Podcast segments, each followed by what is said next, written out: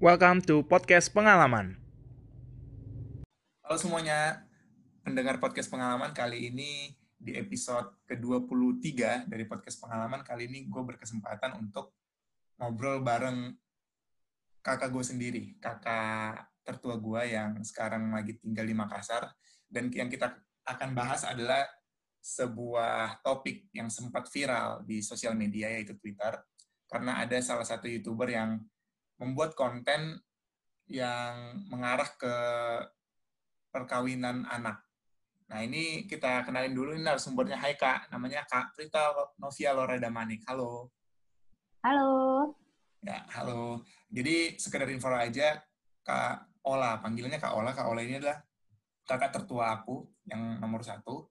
Dia sekarang lagi kerja di Makassar sebagai salah satu volunteer di salah satu lembaga internasional ya Kak ya?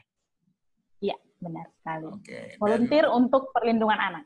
Nah, ya, itu lebih detailnya. Dan udah berapa tahun ke belakang, emang dia konsentrasinya emang di itu ya kak ya, perlindungan anak dan wanita ya? Eh, enggak sih, lebih banyak sebenarnya ya perlindungan anak mungkin secara spesifik memang baru dua tahun terakhir, tapi sebelum-sebelumnya itu maksudnya segala isu anak ya terkait kesehatan, pendidikan, eh, ekonomi, terus eh, advokasi ke pemerintah itu semuanya sih. Gitu. Jadi segala sesuatu yang berkaitan dengan anak itu udah aku kerjakan hampir enam tahun terakhir. Oke, jadi udah enam tahun ini emang ranahnya di sekitar itu semua ya? Iya, benar banget. Oke. Eh, karena ini adalah orang yang terlibat langsung gitu, orang yang benar-benar tahu soal kondisi ini, soal masalah ini, dan kemarin sempat terlibat di salah satu postingan itu. Jadi aku mau tanya, sebenarnya apa sih kak yang terjadi di postingan itu? Jadi teman-teman juga biar Eh. tahu secara detail gitu. Ya, jadi awalnya itu begini. Eh, pas deh kayaknya ya seminggu lalu, malam minggu kayak gini nih ya, Hmm? aku tuh biasa suka nonton YouTube kan. Terus ada muncul nih, ih, apaan nih alasan menikah umur 16? Hmm, langsung tuh ya gitu ya. Oke. Tanduk gue keluar gitu kan kayak apaan nih gitu. Susah-susah ya gue kerja gitu ya. Kebetulan sekarang nih eh, di pekerjaan sekarang itu kan eh, fokusnya adalah pencegahan perkawinan anak dan pencegahan bullying gitu, pencegahan Oke. kekerasan itu yang gue kerjain gitu ya. Jadi eh, ya belum sampai setahun sih ya kerjain itu, tapi Hmm. ya banyak lah gitu usaha yang udah kita keluarkan untuk pencegahan perkawinan anak ini apalagi gue tuh tinggal di Sulawesi Selatan gitu ya yang mana tuh kayaknya kisah-kisah perkawinan anak tuh paling sensasional datangnya dari Sulawesi Selatan Oh, Oke. gitu. Mm-mm. Dan ya yang dan pa- ya- kemudian gue tonton gitu gue tonton dan gue yang kayak apaan nih gitu ya loh kok kayak gini kok kayak gini gitu ya malam minggu yang minggu lalu terus kemudian gue kasih tahu ke temen gue nah temen gue ini eh, ya sama-sama di Sulawesi Selatan juga gitu sama-sama kerjain juga gitu pencegahan perkawinan anak awalnya kita masih hahaha nah besokannya kita tonton lagi gokil nih subscribernya meningkat gitu Wah. meningkatnya parah banget gitu dan semua komen-komen itu uwu gitu loh kayak jadi Iya, iya, betul, betul. padahal itu bahaya banget kan gitu. Dan viewersnya juga aku cek terakhir udah di angka 600 ribuan. oh Iya, 600 ribuan. Dan ya sebenarnya apa sih Kak yang salah dari konten yang mereka buat ini? Eh, yang pertama ya konten itu eh, udah dihitung sebagai bentuk promosi perkawinan anak gitu. Hmm. negara tuh udah melarang loh gitu ya untuk nikah dengan usia anak gitu ya. Oke, gue jelasin dulu ya dasar hukumnya. Jadi sebel jadi pada tahun 2019 itu waktu itu eh, dekat-dekat sama demo yang ini RUU Oh, RUU. PKS, Iya, KUHP iya, iya. ya waktu itu Oke. deket-deket situ. Nah itu eh, diketoklah eh, ini revisi UU perka ya belum sampai di UU-nya belum direvisi 100% tapi sudah ada perma yang mengatur bahwa itu tadi ada minimal usia itu berubah gitu ya. Dulu perempuan tuh kalau mau nikah usia 16 udah boleh gitu. Itu Hmm. termasuk ada di dalam Undang-Undang Perkawinan tahun 70. Bayangin dari tahun 70 Oh, sampai tahun ya. 2019 itu baru direvisi. Dan ya. hasil revisinya? hasil revisinya yang usia 16 tadi naik jadi usia minimumnya adalah 19 sama dengan laki-laki gitu. Nah, Oh. sekarang for your information, nih coba gue tanya sama lu deh. Ini uh, anak tuh usianya berapa sih? Anaknya ya begitu dia lahir dan sampai di batas itu berarti di usia itu. Batas batas mana? Batas usia Berapa angkanya? Yang diatur tadi 19. Oke, iya jadi definisi anak sendiri itu dari usia 0 sampai kurang dari 18 tahun. Ketika oh. lo jadi 18 tahun, itu auto dewasa. Gitu. Hmm. Nah, itu orang usianya masih berapa? 16 gitu. Kenapa lu jadi konten? Yang gue tanya tuh itu gitu. Yes. Oke, okay. dan kalau dilihat-lihat memang uh, sebenarnya kalau tingkat perkawinan anak di Indonesia ini uh, seberapa tinggi sih? Seberapa banyak sih, Kak? Oke, nih gue paparin ya dari uh, ini. Jadi uh, beberapa bulan yang lalu tuh Bapenas bersama yeah. kementerian terkait itu mengeluarkan dokumen namanya Strategi Nasional Pencegahan Perkawinan Anak gitu. Saking urgennya isu ini sampai negara tuh bikin strategi nasional. Coba bayangin ya, gitu. Nah, jadi berdasarkan survei sosial ekonomi nasional atau yang disebut namanya Susenas tahun 2018 itu sekitar 11 persen atau satu dari sembilan perempuan itu menikah sebelum berusia 18 tahun. Satu dari? Sembilan perempuan itu ya. menikah sebelum berusia 18 hmm. tahun. Wow. Banyak ya, tinggi ya berarti ya? 11 persen. Itu ya kalau di Indonesia, di internasional tuh di kira-kira katanya itu Indonesia kalau satu nomor 7, apa nomor 5 gitu. Hmm. Statusnya dari seluruh dunia tentang perkawinan anak. Oke oke oke. Itu tadi dari tingkat uh, tingkat seberapa besar ya perkawinan anak di Indonesia, seberapa tinggi perkawinan anak di Indonesia. Ada data yang menunjukkan nggak kalau tingkat perkawinan anak ini ternyata berbanding lurus dengan hal yang tidak baik, misalnya kayak KDRT, misalnya kayak perceraian atau apa itu ada datanya nggak? Iya, nah jadi uh, dari hasil baca-baca gue ya di poin-poin serangan mm -hmm. itu, jadi ternyata 44,8 eh, persen perempuan yang menikah di usia anak hanya mencicipi pendidikan sampai SMP. Oke. Okay. Dan 93 persen itu putus sekolah setelah menikah. Yes. Jadi, Coba lu bayangin emang, kan? Iya, iya. Gimana krusialnya gitu loh. Hmm, oke, okay, oke, okay. Itu data, uh, informasi data lah ya untuk tingkat perkawinan anak dan uh, tingkat hasilnya lah. Dan yang mau aku tanya, kenapa sih kita harus peduli banget tentang isu ini, Kak? Kenapa? Ya, sekarang sekarang gini ya. Uh, kenapa sih peduli gitu ya sama isu anak gitu? Mungkin orang banyak bertanya ya. Yang pertama itu, kalau kita ngomongin dari angka ya, lebih dari 30% populasi penduduk Indonesia itu usia anak hmm. lebih dari 30 persen itu itu adalah usia anak gitu ya. Dan dengan lu menja mengubah kehidupan anak-anak ini, berarti mereka itu punya harapan masa depan yang lebih baik.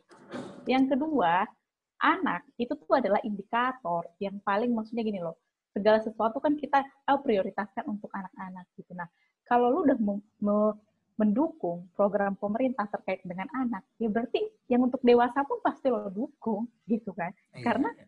ketika lo udah mempersiapkan untuk anak, yang pasti uh, punya anak tuh bisa dinikmati oleh orang dewasa, gitu kan? Apa pun perubahan-perubahan, contohnya nih ya, uh, misalnya kita membuat, oke okay, kita buat trotoar yang aman bagi anak, aman bagi yeah. anak udah pasti aman buat orang dewasa. Yo, betul betul betul. Oke. Okay.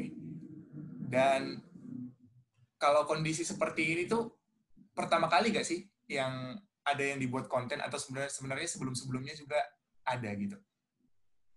Oh, kayaknya ini baru pertama sih ya. Mungkin memang uh, kita perlu lihat-lihat juga ya. Memang di Indonesia sendiri ada tren beberapa tahun terakhir tuh kayak, ayo ngajak-ngajakin orang nikah, gitu, ya, ngajakin hmm. orang nikah muda. Tapi ya. satu hal yang gue pelajari di sini adalah dalam isu ini, uh, ketika itu diracik jadi kayak dongeng gitu loh fairy tale okay. gitu ya love fairy tale gitu yang kayak ya diromantisasi bener gitu kata-kata yang betul. paling tepat itu lah romantisasi gitu loh coba bayangin gitu ya sesuatu yang udah diperangi sama negara, lu malah romantisasi dalam video berseri-seri gitu. Not make sense gitu, apa pun ceritanya gitu.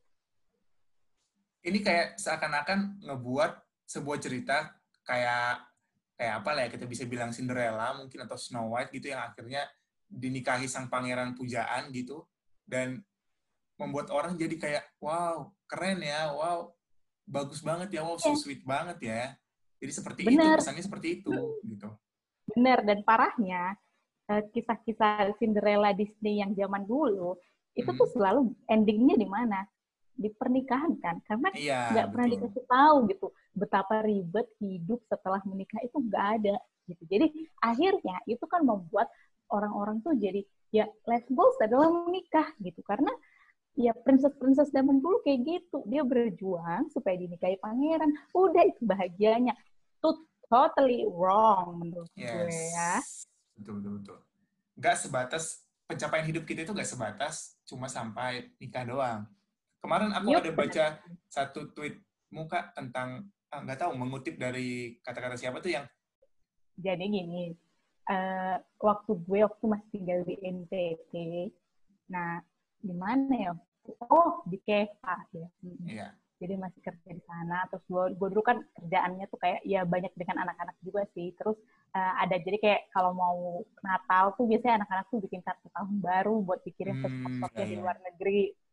Nah jadi eh, karena itu kartu-kartu punyanya anak-anak ABG gitu ya anak-anak yang udah umur Iya. SMA gitu mungkin eh, mereka minta ayo dong tulis kata-kata mutiara moto hidup yang kayak gitu kan nah pas lagi ini kan bukan gue nih ya yang ke lapangan gitu cuma waktu gue di kantor gue baca-baca lah kartu-kartunya anak-anak ini gitu sampai akhirnya gue menemukan ada yang nulis begini raihlah baju wisudamu sebelum Ya. kau meraih baju pengantinmu gitu nah wow, itu sebenarnya bagus banget sih. motivasi yang keren banget sih ya gitu Iya, ya iya. buat anak-anak yang itu anak-anak dari desa loh gitu ya dan mereka punya motivasi kayak gitu coba bayangin itu kan keren Yes. banget deh Itu keren banget waktu aku baca itu di Twitter, kan aku baca, "Ih, ini bagus banget. Itu anak ABG yang nulis ya?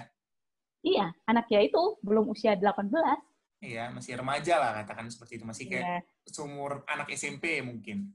iya. gimana sih dampak ke depannya dari perkawinan anak ini kak jangka panjangnya gitu Oke, ya. Nah, untuk jangka panjang ya dampaknya aku kadang berpikir sih, kenapa sih gitu ya negaranya sampai Iya. harus ribet-ribet tuh yang ngurusin eh, perkawinan anak, mencegah ini apa terus sih yang namanya Prita Damanik ini nge-tweet sana sini sampai Hmm. di retweet 5000 orang, Yes. sampai masuk ke Jakarta Post, sampai Iya. masuk ke Line Today, itu kenapa sih dia sampai kayak Hmm. berapi-api gitu, Bu, gitu kan? Atau kenapa sih orang dari luar tuh mau maunya gitu ya kasih bantuan supaya Indonesia tuh berhenti dari ini budaya perkawinan anak gitu. Sekarang gini ya, gue jelasin dulu. Oke. Yang pertama, ketika misalnya nih satu anak yang eh, menikah di usia anak itu udah pasti dia putus sekolah 93% tadi datanya kan. Oke, Karena iya. di usia 0 sampai 18 tahun itu masanya anak-anak itu sekolah sekolah betul ya ketika ketika dia eh, nikah udah auto tuh pasti putus sekolah gitu kan karena memang sekolah tidak mengizinkan kalau tidak mengizinkan menikah. Mm-mm. Itu yang pertama jadi dia putus sekolah oke terus di usia segitu usia anak itu tuh anak tuh belum bisa berpikir dengan jernih gitu ya Hmm. dia belum punya kapasitas untuk eh, menjalani kehidupan di rumah tangga gitu. Karena apa gitu ya? Ada namanya life skill. Skill itu adalah skill yang harus lo butuhkan ketika nggak usah nggak usah ribet-ribet deh. Jangankan untuk menikah komitmen seumur hidup.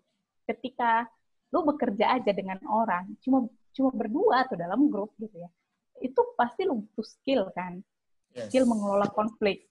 Lo harus bisa negosiasi gitu Hmm. Nah, seorang anak yang putus sekolah, terus tiba-tiba nikah, disuruh jalanin rutinitas rumah tangga, hidup dengan orang yang katakanlah entah dewasa atau tidak pun, gitu ya, sebagai suami, istri, dia dapat skill negosiasinya dari mana, gitu. Oh, oke.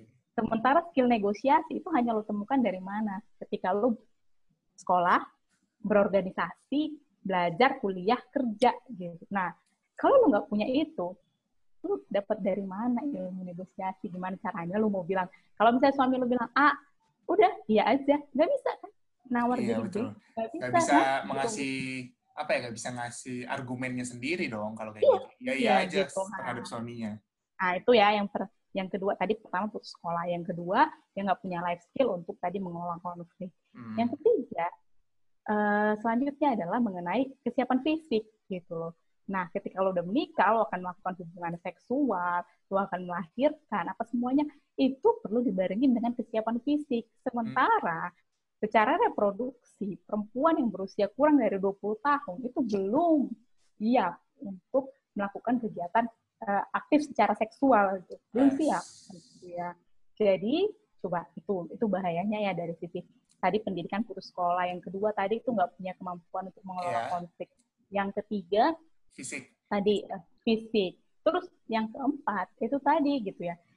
Anak tuh kan nggak punya konsen ya gitu. Istilah konsen, konsen itu hanya diberikan kepada orang dewasa. Jadi ketika anak sebenarnya punya konsen adalah orang tuanya gitu ya. Orang tua ya atau orang dewasa pendampingnya yang bisa menentukan kehidupannya gitu, bukan dia sendiri. Gitu. Jadi nggak ada Hmm. istilahnya tuh kayak eh, ya gue menikah usia anak, tapi kan itu nggak ada paksaan, itu atas dasar Iya. keinginan gue sendiri itu nggak ada gitu. Jadi ya itu negara tuh melindungi gitu loh nasib anak ini anak satu orang anak gitu dan kemudian lagi berikutnya adalah nah ada ada fakta juga dari poin Stranas itu bahwa eh, sekitar 10,8 persen Hmm. perempuan yang menikah di usia anak itu tuh nggak punya catatan eh, berat badan anaknya.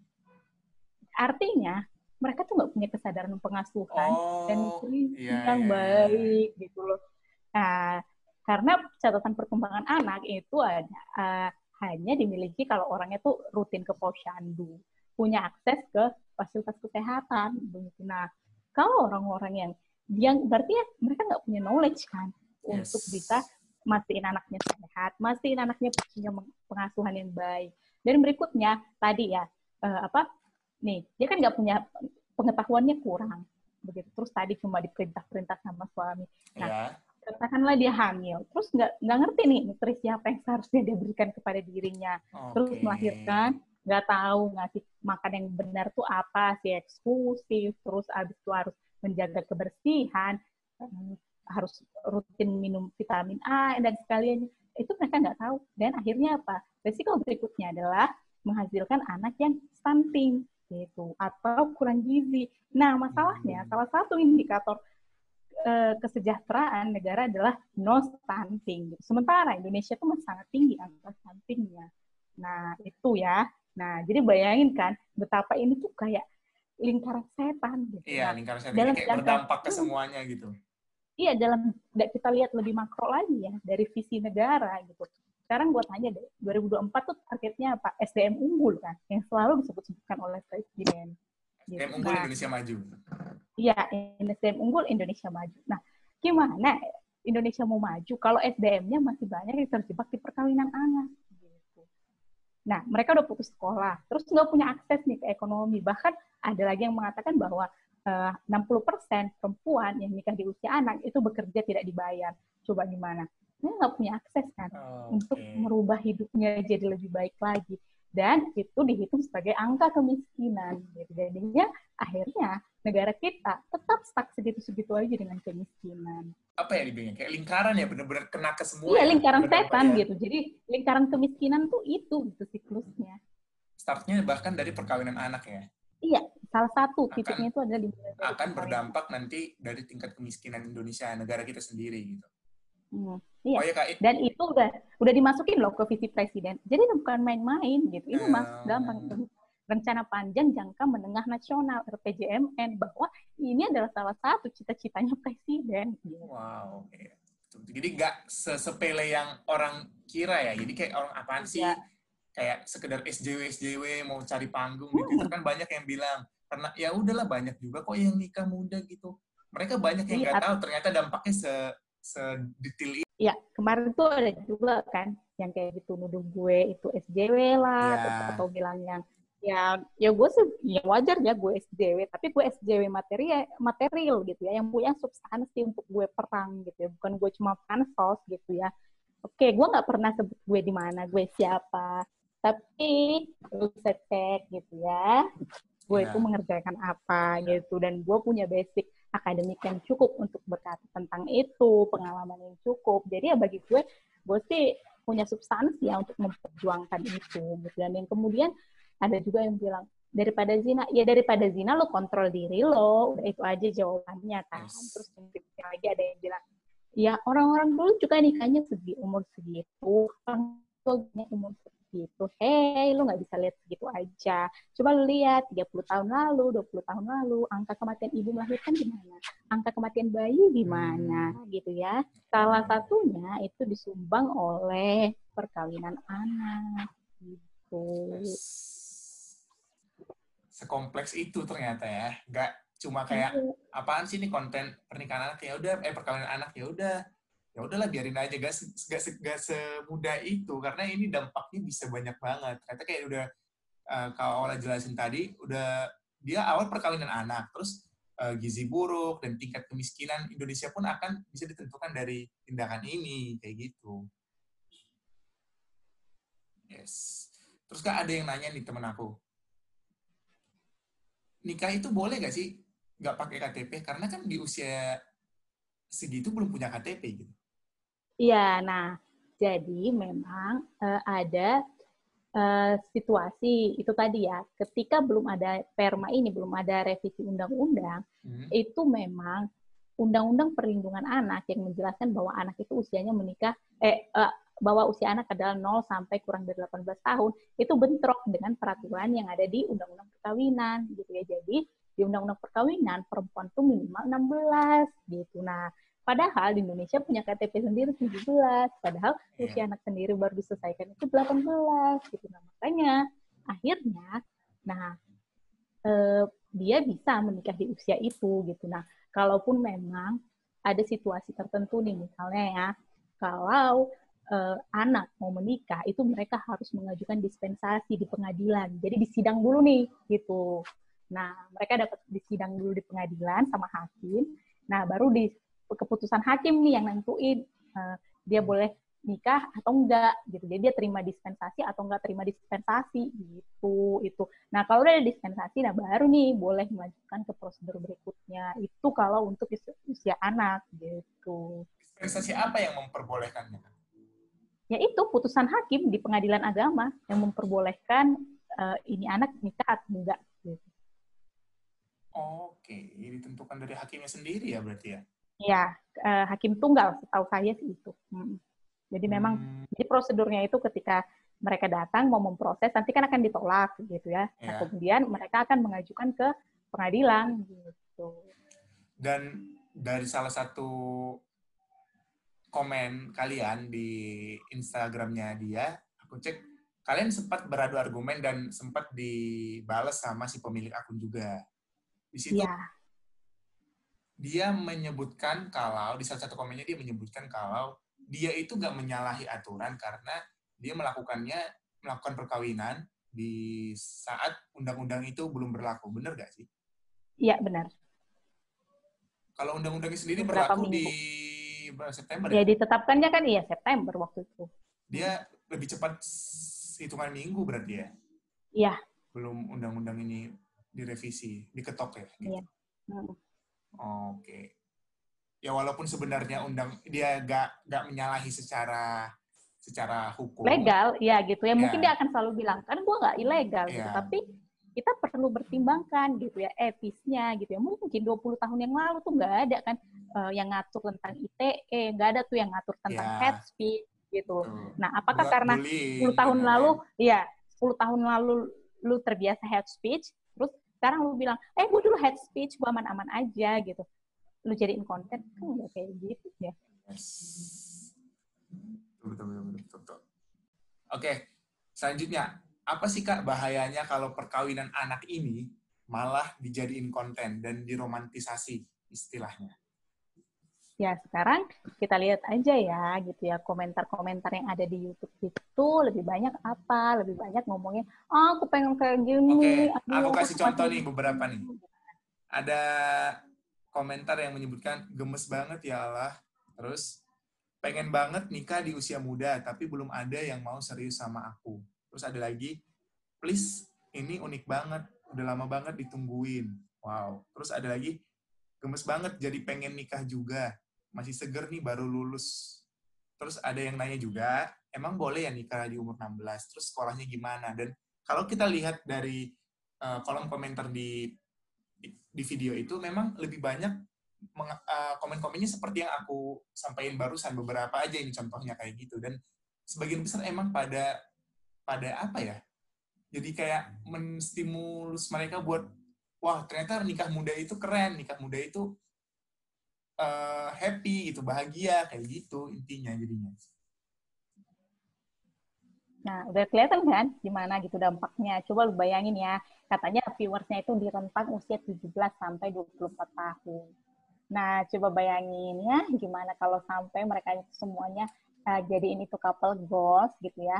Yang proporsinya kan nggak tahu ya berapa persen yang usia 17, dan mereka masih potensial untuk melakukan perkawinan anak. Nah, gue sempat ngumpulin beberapa data nih, nggak banyak sih, tentang penonton-penonton YouTube nih. Dari data Pew Research Center di tahun 2018, menunjukkan bahwa video yang ditargetkan untuk anak-anak jauh lebih banyak dibanding dengan orang dewasa. Jadi video-video dengan konten yang diarahkan untuk anak-anak itu memang lebih banyak di YouTube dibanding konten-konten orang dewasa, misalnya. Dan ada data lagi dari survei Google dan Kantar TNS pada Januari 2018 menunjukkan bahwa persentase antara penonton YouTube dan TV hanya berbeda tipis, yaitu 53 berbanding 57. Berdasarkan hasil penelitian ini juga menunjukkan bahwa penonton YouTube yang berasal dari daerah rural atau pedesaan ternyata hampir seimbang dengan penonton yang berasal dari kota atau urban. Berdasarkan hasil survei pengguna internet di 18 daerah di Indonesia dan dari 1.500 responden. Terus ada data lagi, berdasarkan hasil survei Social Blade dan Hootsuite yang dikutip dari Tirto pada tahun 2019 juga menunjukkan kalau konten YouTube paling favorit di Indonesia adalah konten vlog. Jadi dari beberapa data yang gue informasiin ini, resiko dari konten itu memang besar banget. Coba bayangin, di sini dari data survei Google dan kantor TNS pada 2018 itu menunjukkan bahwa penonton YouTube itu ternyata di kota dan di desa itu sama besarnya. Coba video ini ditonton oleh anak-anak remaja atau anak-anak SMP di daerah pedesaan di, per, di perkampungan. Ini bakal berdampak negatif banget sih. Gimana lagi kayak ada zaman dulu cerita-cerita soal anak yang dinikahkan sama saudagar, sama sama apa ya, sama rentenir yang karena uh, permintaan orang tuanya. Ini ini bisa memicu ke arah sana kan? Iya bisa banget. Bahkan ini anaknya sendiri yang minta gitu ya. Karena ya ini kan couple goals aku, gitu ya. Bukan Iya, orang tuanya gitu. yang bisa berubah ya trennya. Betul ini berbahaya sih emang. Karena Indonesia gimana pun kita tahu ya, Indonesia itu gak semuanya kota, gak semuanya perkotaan. Banyak banget masih daerah-daerah desa yang yang mungkin belum banyak orang-orang yang tahu gimana uh, hidup di perkotaan, gaya hidup anak-anak zaman sekarang. Nah, yang yang bahayanya nanti itu yang mereka tiru gitu. Mereka menjadikan si pasangan ini menjadi role model mereka. Itu yang sangat berbahaya sih. Yuk, setuju. Yes. Terus kemarin aku juga sempat ngeliat ada yang bilang kayak gini, loh nggak apa-apa dong, kan mereka nikah, mereka halal dan mereka juga punya duit. Nah itu gimana tuh kak komentarnya? Nah, kalau memang kayak gitu, terus e, berarti ya lu sah sah aja gitu ya melakukan perkawinan anak kalau misalnya lu punya duit, kalau misalnya e, lu suka, terus mau sampai kapan nih gitu ya, mau berapa orang lagi, berapa SDM lagi yang akan dibunuh karena perkawinan anak gitu dan ya lu berarti sama aja dong kayak Chef Puji, Chef Puji juga kaya gitu ya. Iya. Siapa yang tahu sih anak tuh benar-benar setuju atau enggak? Kan tadi udah dibilangin bahwa konsen itu tuh nggak ada bahasa konsen di usia anak gitu ya. Konsen tuh hanya ditujukan kepada orang dewasa. Dan dia pun mungkin oke dia bilang setuju, tapi sebenarnya dia belum capable untuk mengambil keputusan itu kan di usia Ya, semuda dan itu. kebetulan dan kemudian who knows the deeper inside her heart about it. Hmm. Who knows? Dan dari salah satu balasan komentar kalian di Instagramnya, si pemilik akun sempat ngebales kayak gini. Tujuan gue bikin video ini itu supaya orang-orang nggak nikah muda, nggak ikut perkawinan anak. Terus ini bikin gue pusing. Kalau kal- kalau dia mendukung kalian mendukung campaign perkawinan anak, tapi kenapa dia nikahin anak ya, kawinin anak kayak gitu? Aneh gak sih? Dia bilang Ya, kalau video itu- itu. dibuat untuk eh, buat orang supaya gak kaw- perkawinan anak kayak gitu, tapi dia malah ngelakuin itu aneh kan? Ya aneh banget. Makanya gue bilang gini, emang Pak Polisi per- sebelum bilang dilarang kebut-kebutan, itu Pak Polisi harus ngebut dulu tanpa helm, terus sampai Ya. kecelakaan kepalanya pecah, baru bilang, tuh, Iya, bener, boleh kalian kebut-kebutan gitu. Nah itu logikanya. Sama kayak ada orang bisa ikut campaign dogs are not food. Oke, kita tolak uh, anjing sebagai makanan. Tapi besok dia malah makan daging itu juga dia konsumsi dan dia pub- publikasi gitu. Iya, barusan sama. Gitu. makan Nah, gitu. Terus dia dengan enaknya bilang, ya ini tujuannya supaya kalian nggak nggak kayak gini gitu kan. Aneh ya. Nah, itu coba bantu gue untuk temukan di mana logikanya itu aja sih. Oh. Karena sampai hari ini logika gue belum nyampe. Dan ujungnya semua komentar kalian dihapus ya dari akun itu. Ya. Ya, itu kan sebenarnya kekesalan kita waktu itu adalah jadi gini. Nah, gue kan aktif di salah satu grup forum gitu ya. Nah, gue sampaikan nih kekesalan gue gitu. Nah, akhirnya teman-teman lain ini mulai kesal gitu kan. Nah, karena gue udah kesal banget ya di umur-umur, gue beranikan lah untuk berkomentar ke situ gitu. Nah, juga teman-teman gue juga ada beberapa gitu ya, yang teman-teman di IG kayak, ih ikut-ikut yuk." diramein, eh dihapus kayak gitu. Iya. gitu. Nah, terus sampailah di salah satu teman gue yang orang Makassar ini gitu, dia komen, dihapus juga. Nah, akhirnya dia komen, nah berapa jam kemudian direspon lah sama pemilik akun. Dia respon, terus nah makin rame nih, makin rame, makin rame. Kayaknya waktu sampai sekitar 100 komen, dan semuanya lenyap. Lenyap semua ya. Lenyap. Semua yang kritik tuh lenyap. Dan itu diarsip lah sama temen gue yang orang Makassar itu. Jadi kan ada dua tweet nih yang viral, yang punya gue, yang marah-marah Iya. ya guys. Satu lagi yang arsip komen, itu temen gue, temen baik sih. Gitu. Kalau kalian mau lihat, kalian boleh cek di sosial media, di Twitter. Itu ada banyak sih, kalian bisa pantau aja di salah satu tweetnya Kaprita Damanik. Di akunnya itu bisa kalian lihat juga. Dan ada juga ini dari satu tweetmu juga, Kak, yang bilang, apa sih perbedaan nikah muda sama perkawinan anak? Nah, ini menarik nih. Karena banyak orang juga belum tahu apa bedanya. Gitu. Hmm. Ya, jadi perkawinan anak itu adalah ketika suatu perkawinan yang sah itu tetapi pasangan salah satu atau dua-duanya itu masih dalam usia anak itu adalah perkawinan anak. Anak. Sementara kalau pernikahan muda, Gue sampai hari ini nggak tahu sih itu istilah nikah muda tuh muda tuh gimana sih gitu ya kadang gue makanya gue jawab di Oh, Instagram iya, gitu ya. iya. ya gue muda, gue nikah umur eh, akhir 20-an. Ya gue ngerasa masih muda-muda aja sih gitu. Apakah gue termasuk nikah muda atau enggak, who knows gitu. ya. Tapi kalau ka- Oh, kata BKKBN tuh kan rekomendasinya di eh, usia 21 sampai 25. oh, ada ya usia anjuran untuk menikah ya? Iya, itu di BKKBN yang Di angka 21 tahun. 25. Nih, ada juga yang bilang di tweetnya, dia bilang gini, giliran udah nikah, lu sibuk ngurusin, lu keluar-keluar. Itu banyak banget di sana yang berhubungan suami istri tapi gak nikah. Tuh gimana tuh? Ada orang That's yang not bilang, dan ada orang yang bilang kayak, dia kan udah nikah, ya udah gak apa-apa lah, yang penting halal. Kayak gitu. Hey, perkawinan tuh bukan makanan yang perlu lo ratifikasi halal Hmm. tidaknya gitu ya. Perkawinan tuh adalah komitmen gitu. Jadi ya daripada lo ngurus halal enggak, lebih baik lo merujuk aja gitu ya ke cita-cita presiden. Lu daripada lu nggak berkontribusi apa-apa, lebih baik lu tuh tenang, turutin atau atau perintah presiden gitu ya apa yang disuruh oleh negara gitu aja. Betul, betul, betul, betul. Dan kasus ini juga pernah eh, pernah viral juga ya di zaman Manohara kalau nggak salah ya. Benar nggak sih? Iya, uh, ya benar. Itu tuh maksudnya gue bukan mau ini ya gitu ya berharap yang buruk-buruk gitu ya. Mungkin gue cukup kasih clue aja. Lu ingat-ingat aja deh berapa tahun terakhir gitu ya. Ada beberapa seleb yang nikah di usia anak. Coba lihat resultnya gimana. Udah itu aja. Tuh.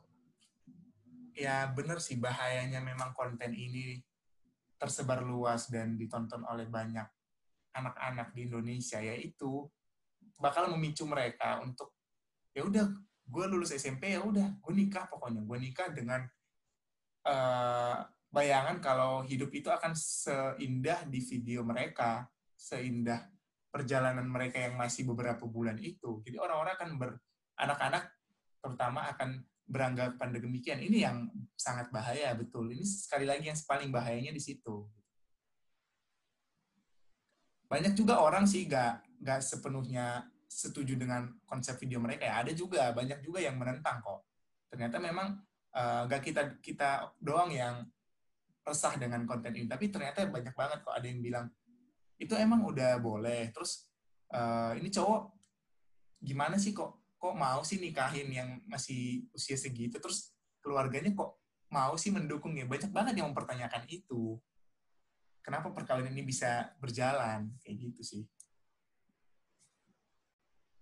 Dan gue gak mau apa ya bilang gak mau menuduh sana sini, tapi ada memang beberapa kalian bisa lihat sendiri di postingannya karena ada yang ada yang bilang juga kalau terkesan buru-buru atau apalah itu kalian bisa sendiri bisa cek sendiri sih di sosial media dan kontennya sendiri dan hari ini per hari ini kalau nggak salah udah ada konten baru lagi dari dari mereka gitu terkait pernikahan perkawinan anak ini dan kemarin kemarin tuh tadi mereka bilang kalau kontennya itu katanya udah ini ya udah campaign untuk tidak perkawinan anak ya, menolak perkawinan anak ya? Iya. Iya katanya sih gitu, tapi menurut gue tetap aja sih logikanya masih cacat. Gitu. Seakan-akan kayak, lu boleh kok kawin usia anak, tapi A, B, C, eh, asalkan lu A, B, C, D, lu gitu. tetap aja nggak boleh gitu. Dan apalagi lu mempromosikan itu benar-benar nggak boleh. Jangan diromantisasi gitu. Isu ini udah bahaya banget. Gitu. Lu jangan romantisasi lagi lah. Gitu. Jadi satu-satunya kalau lu emang sadar ya, udah hapus aja videonya gitu itu lo akan menyelamatkan lebih banyak anak bangsa. Dan kemarin ada juga di komen Instagram ini yang menarik banget ini yang kalian komen juga kak. Itu ada bilang kenapa sih lo harus nge, ngebuat konten seperti ini meromantisasi pernikahan.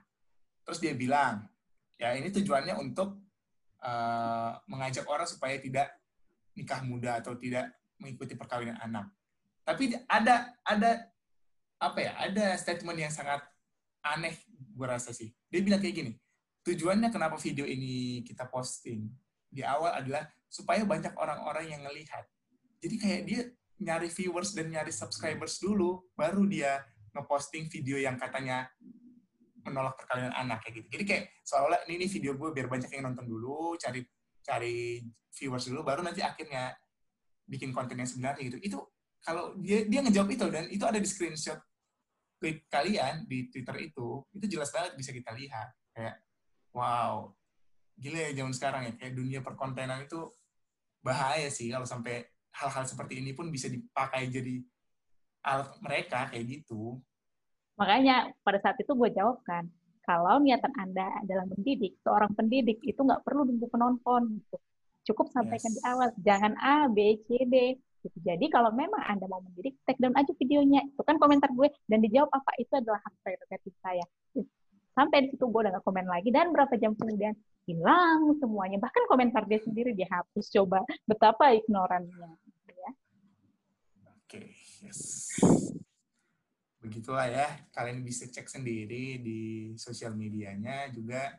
Jadi dari podcast ini juga kayak sebagai media buat teman-teman seperti Kak Laura, teman-teman banyak orang-orang yang peduli tentang perkawinan anak, tentang perlindungan anak itu bisa menyuarakannya paling enggak lewat podcast ini, podcast yang belum terlalu besar tapi mungkin lewat penjelasan audio dari Kak Prita Damanik ini bisa semakin menyadarkan banyak orang, semakin banyak orang yang mengerti dan sadar ternyata perkawinan anak tidak sesimpel itu. Banyak dampaknya nanti di akhir dan bisa mempengaruhi tingkat kemiskinan di satu negara kompleks banget ya berarti. Iya, jadi itu kompleks kan gitu ya. Mungkin lo aja sebagai adik gue nggak sadar kan ini segitu kompleksnya. Iya, benar-benar. gue tanya. Tadinya aku mikir gak sampai sampai sejauh itu. Ternyata kenapa seorang presiden pun eh, berkonsentrasi di bagian ini di di situasi ini tuh karena memang dampaknya bisa sampai ke tingkat kemiskinan negara kita ya. Iya, benar banget. Itu aja sih. Buat podcast kali ini Kak, ada yang mau disampaikan untuk masalah ini buat untuk fenomena ini yang sedang viral ini? Ada pesan-pesannya? Ya, buat adik-adik dan anak muda sekalian gitu ya. Kalau kalian gitu couple goals sebagai idola gitu ya. Mungkin kalian lebih baik gitu cari tahu kisahnya Habibie dan Ainun ya yang sudah terbukti nih ya hingga akhir hayat. Terus Hmm. juga mereka itu menikah saat sama-sama sudah menjalani pendidikan, terus kemudian eh, sama-sama saling mendukung gitu ya. Sampai Habibie jadi presiden, Ainun tuh selalu mendukung dia dan Ainun tuh seorang dokter yang punya banyak karya di Indonesia. Wajar gitu ya. Kalau itu ada suatu hal yang sangat romantis gitu. Bahkan mereka sampai diabadikan jadi satu patung di Sulawesi Selatan gitu. Saking berkesannya gitu ya kisah cinta mereka gitu ya. Saking goalsnya gitu ya. Kisah cintanya wajar ya. Itu yang perlu kalian jadikan couple goals. Atau mungkin kalian bisa lihat lagi ya gimana Muhammad Hatta itu sampai berjanji dia tidak akan menikah sampai Indonesia merdeka. Bayangin, dia Oh, baca yes. proklamasi itu masih statusnya tuh masih single. Coba itu yang harus kalian lihat gitu. Bahwa masih banyak cita-cita, masih banyak hal-hal lain di luar eh, nikah yang bisa kalian jadikan goal. Gitu.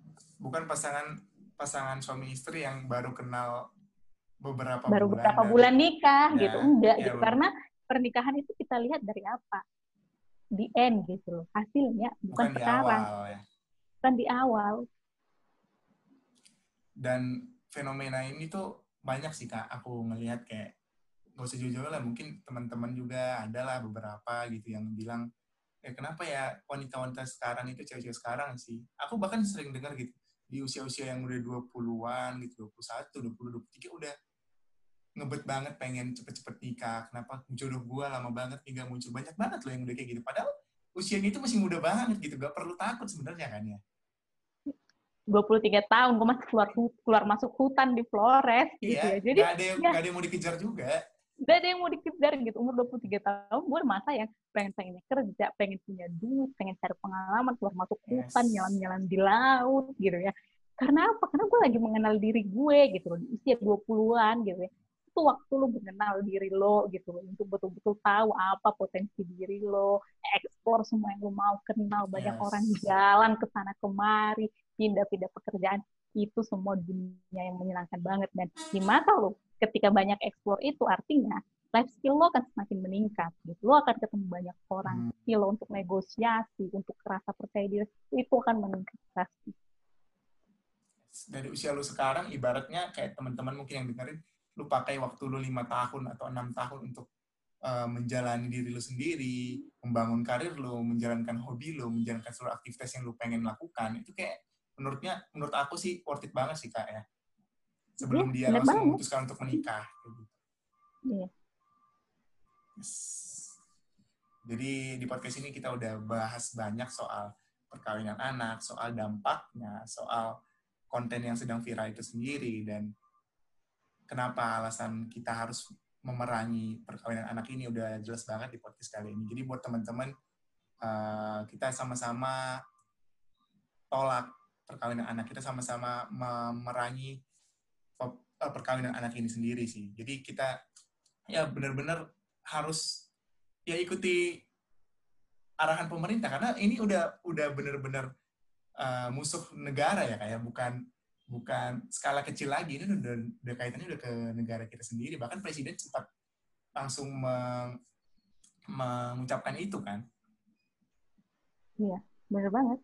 Yes. Oke buat teman-teman thank you banget udah dengerin podcastnya. Thank you juga buat kak Laura yang udah mau bersedia buat sharing di podcast kali ini.